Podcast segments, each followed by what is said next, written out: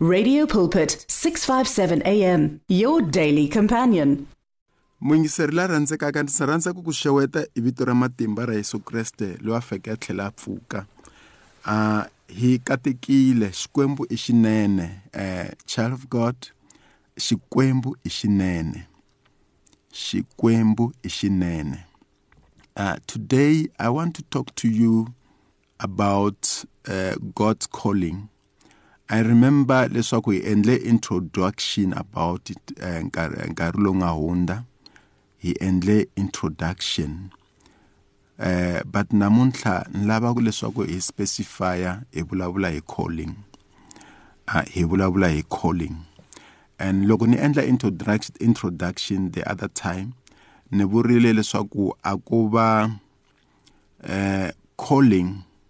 ku fana na la hi nga hlaya kona because hi hlayile eka verse eh, eh timothy second timothy chapter number 1 verse number 9 hi hlayile hi xichangani kambe sweswi moni yi hlaya hi xilungu yi ri he saved us and called us u hi ponisile ivi a hi vitana um, to be uh, with a holy calling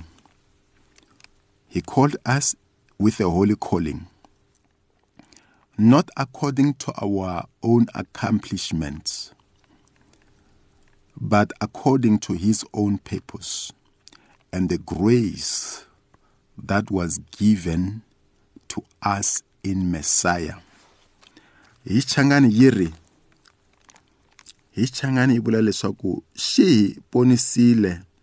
ni ku hi vitana ku va vanhu va xona ku nga ri hikwalaho ka mintirho ya ya hina kambe ku ri hikwalaho ka makungu ya xona ntsena ni hikwalaho ka tintswalo leti xi hi nyikeke tona ku nga ri kwalaho ka ka mintirho ya hina ya xilungu yi ri not because of our own accomplishment uh, but God has called us because of his purpose Xikwembu xi hi vitanile hikwalaho ka ku rhandza ka xona hikwalaho ka makungu ya xona um yi vulavula hi ku ponisiwa kambe na ku vitaniwa uh, ku ponisiwa na ku vitaniwa mara what i like about these two things leswi ni swi rhandzaka hi timhaka letimbirhi ta ku ponisiwa na ku vitaniwa i ku yi ri um yi ri um bibele yi ri xi hi ponisile ni ku hi vitana ku va vanhu va xona ku nga ri hikwalaho ka mintirho ya hina ku nga ri hikwalaho ka mintirho ya hina lero is not by our accomplishment is not hi mhaka leswi hi nga swi endla a hi mhaka ya leswi hi nga swi endla kambe i mhaka ya tintswalo ta xona xikwembu xi hi vitanile hi mhaka ya tintswalo ta xona tintswalo ta xona say to your neighbor tintswalo ta xona eh tintswa hikwa hikwalaho ka ka, ka tintswalo ta xona xikwembu xi hi vitanile hikwalaho ka tintswalo ta xona not because of our, of, of our own doing kambe hikwalaho ka tintswalo ta xona xi hi vitanile hikwalaho ka tintswalo ta xona um i like this child of god na swi rhandza leswi eh xikwembu xi hi pontsile xi hi vitana hikwalaho ka tintswalo ta xona hayi hi mhaka ya ku ni endle yini hayi hi mhaka ya ku eh ni tswariwe aka muti wa njhani hayi hayi mhaka ya my qualification ku nga ri mhaka ya ku dyondza ka mina ya ku dyondzeka ka mina ku nga ri mhaka ya rifuwo ra le kaya munhu un'wana na un'wana xikwembu xi n'wi vitanile xi n'wi vitanile xi tlhe xi n'wi ponisile xi tlhela xi n'wi vitana a ni vuli swa ku vitaneriwa ku va mfundhisi a ni vuli swa ku vitaneriwa ku va muprofeta kumbe ku va apostle ku va whatever the titles leti vanhu va va va ti vitanaka hi toho a ni vuli swona sweswo ni vula leswaku xikwembu xi ku vitanile um hi xikongomelo loko loko xikwembu xi loko u tswariwa vatswari va wena a va ku vona ro sungula loko u tswariwa eh a wu voniwa ro sungula loko u tswariwa but hayi hi ku ya hi bibele hi ku ya hi bibele bibele yi ri xikwembu xi ku tivile even before you were formed in your mother's womb god has known you even before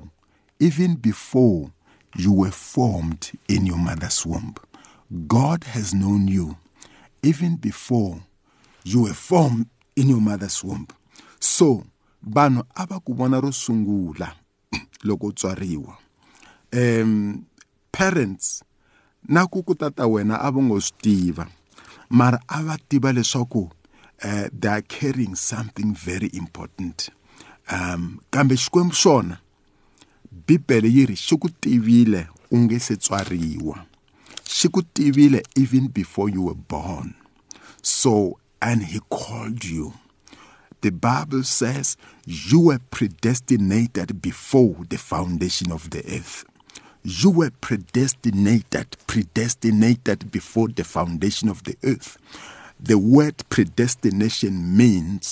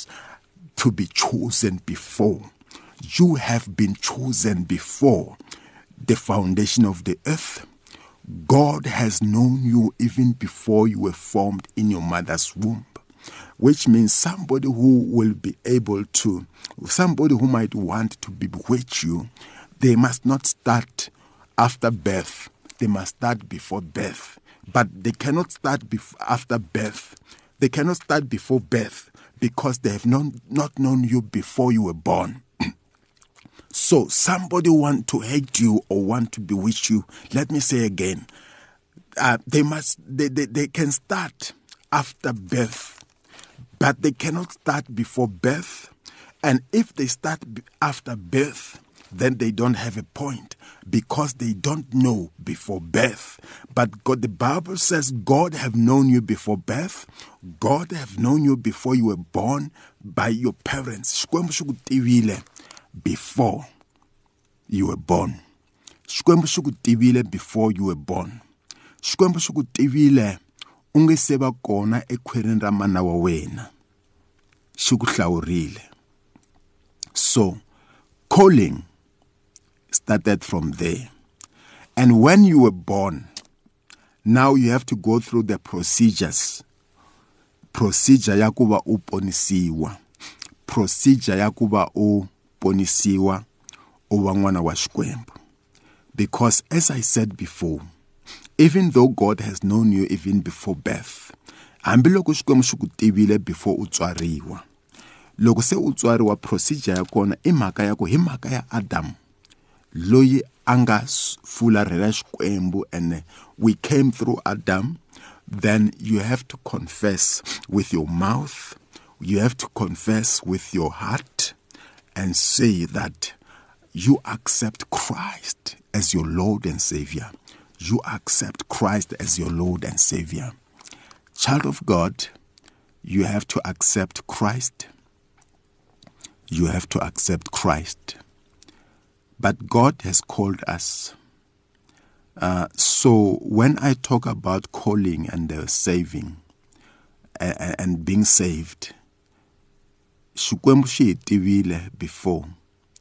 Mara ni tsakisa hi verse leyi ngo ri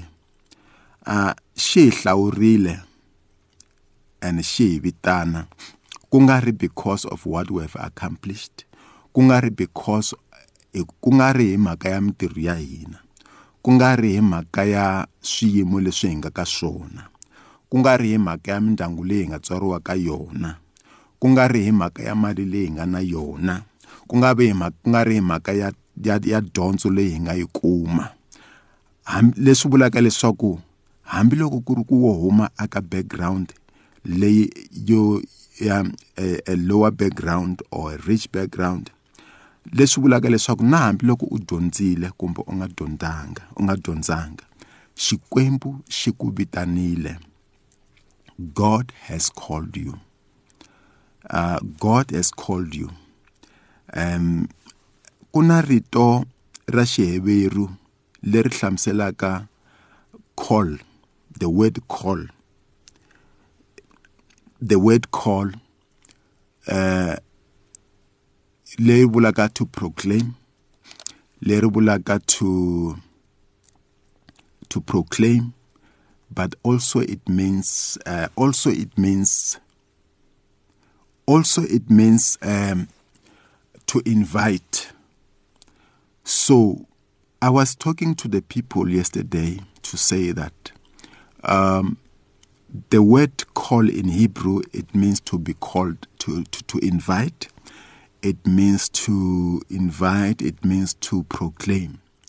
which means all of us inikwile um, lungelo all of us hi nikiwile byela hi Kreste uh, all of us hi nikule lunghelo ra ku va hi byela hi Kreste eh mo ni ni languta la ni nga tsala kona about uh, the Hebrew word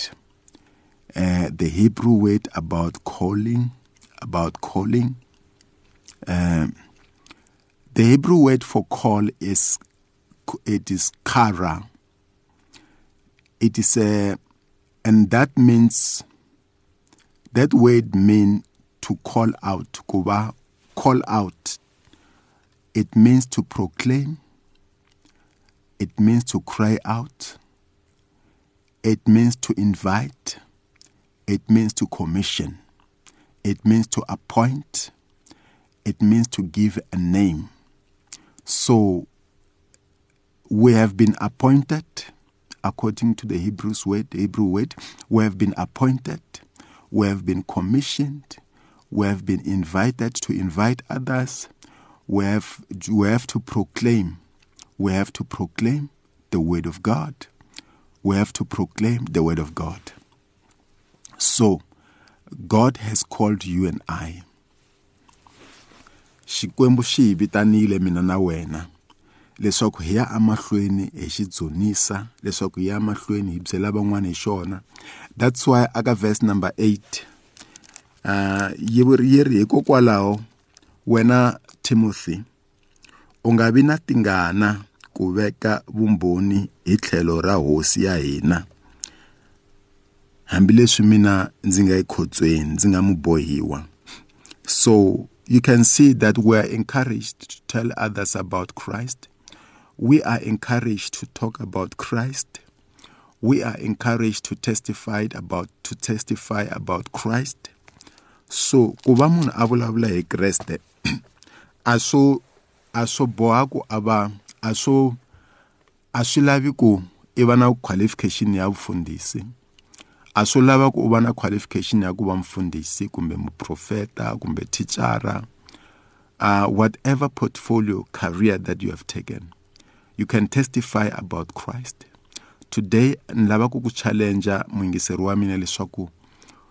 a u byela vanhu hi Kreste u byela vanhu hi Kreste u byela eh vanghana maxaka hi Kreste a lexi endlaka leswaku ni ku hi va byela i mhaka ya ku ku na vutomi eka Kreste ku na ku hanyisiwa eka Kreste ku na ku horisiwa aka Kreste ku na ku phyupsha aka Kreste ku na vutomi lebyi nga heriki aka Kreste so you don't want to leave people out aka mhaka leyi nga na vutomi bya ku hanya aka mhaka leyi nga na u nga xaveku u yi u yi kumaka for free but yi va yi ri leya nkoka evuton'wini bya wena um loko munhu a ri ka kreste bibele yi ri i xivumbiwa lexintshwa loko wena u ri aka kreste bibele yi ri u xivumbiwa lexintshwa yi tlhela yi ku hambiloko swidyoho swa wena swi nga swi nga swi nga va swi thyakile kumbe swi nga tshuka swi nga swo tshuka ku fana na ngati xikwembu xi ta ku hlantswa swona u va wa clean ku fana na white as a snow so a hi swi tekeni emakatleni ya hina ku va hi kota ku byela van'wana and loko se hi kota ku byela van'wana na loko va vabya hi ta kota ku va khongelela hi ta kota ku va byela leswaku a Yesu Kreste hi yena lo hanyisaka Yesu Kreste hi yena la nga na matimba ya ku ya ku hanyisa hi yena nga na matimba ya ku rivalela hikuva vanhu vo tala hi bohiwile timothy um u byeriwa hi paul paul u vulavula hi timhaka ta ku mheni n'wi bohiwa yena a ri mubohiwa physically aka khotso leri a ka swo rona kambe ku na lava nga bohiwa hambi va nga ri khotsweni ku na lava nga bohiwa lava va nga koteki ku ti rivalela na hambiloko ku ri xikwembu xi nga va rivalela ku na lava va xanisekaka um eh, kambe xikwembu xi ri a hi va byeleni hi timhaka ta xona a hi va byeleni hi timhaka ta kreste a hi va byeleni hi ta ku ponisiwa a hi va byeleni a hi va byeleni hi timhaka ta ku ponisiwa a hi hlayi futhi mingise yi ri xi hi ponisile ni ku hi vitana ku va vanhu va swona ku nga ri hikwalaho ka mintirho ya hina kambe ku ri hikwalaho ka makungu ya xona ntsena a hi mhaka ya mintirho ya hina ni kambe hikwalaho ka makungu ya xona ntsena na ku is by grace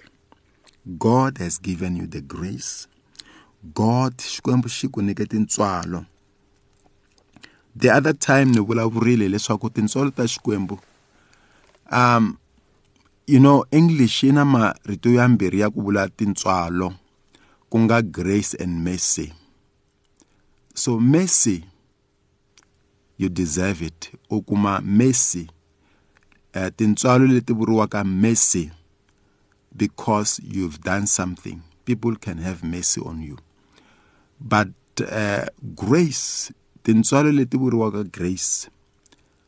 a hi ku lungha ka wena loku endlaka leswaku xikwembu xi ku tshunelela mercy leyi tintswalo leti vuriwaka mercy u fane u endle swin'wanyana ku va u kota ku tsweriwa ku tweriwa vusiwana loko u ri na xigwevo u fane u tirhela xigwevo xa wena ivi va ku twela vusiwana kambe tintswalo leti vuriwaka grace a hi tintswalo leti xaviwaka a hi tintswalo leti endle ti ti ti nga ti yaka hi ku endle yini a hi tintswalo leti leti wena u ti deservaka i tintswalo leti xikwembu xona hi xoxe xi ngo hleketa ku ku nyika tona so tintswalo leti hi leti na hambiloko ku ri a hi nga swi deserve a hi nga fanelanga xikwembu xi rhuma n'wana wa xoho yesu kreste leswaku a ta hi fela ku ri ku a hi nga swi deservanga ne a hi nga si ku ri a hi nga swi deserve but the lord has saved us but the lord xikwembu xa hina xi hi ponisile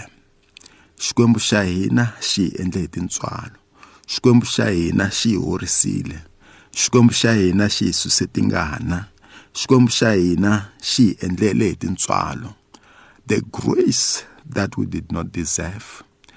ngati ya n'wana wa yena yi halaka for mina na wena not that hi swi deservile kumbexana a hi a hi fanerile a hi nga faneriwanga kambe xikwembu xi xi vona leswaku hi faneriwile mintirho yin'wana leyi hi nga yi kuma hi nga ka yona a yi nga wu yi fanela kambe tintswalo ta xikwembu ti hi veke kona tindhawu tin'wani leti hi nga ka tona a hi ngo fanela ku va ka tona leswi hi nga na swona kumbexani um ntalo evuton'wini bya hina a hi ngo a a swi a hi ngo faneriwa xikwembu xi lo vona leswaku xi xi hi endlela xikwembu xi hi katekise eh leswaku hi kota ku ya emahlweni hi hlonipha ku vitaniwa hi xona hi hlonipha ku ponisiwa hi xona hi hlonipha leswi xikwembu xi nga hi endlela swona mina na wena a hi yi mahlweni hi hlonipha ku hloniphiwa hi xikwembu hi hlonipha ku va xikwembu xi hi rhandzile hi hlonipha ku va xikwembu xi va na tintswalo ka hina hi hlonipha ku vitaniwa hi hlonipha to have been predestinated before the foundation of the earth i tintswalo ta xikwembu i tintswalo ta xikwembu xikwembu xi hi katekise xi hi endla hi tintswalo ku kondza hi hlangana ka nkarhi lowu taka katekani The words of the Lord are words of life.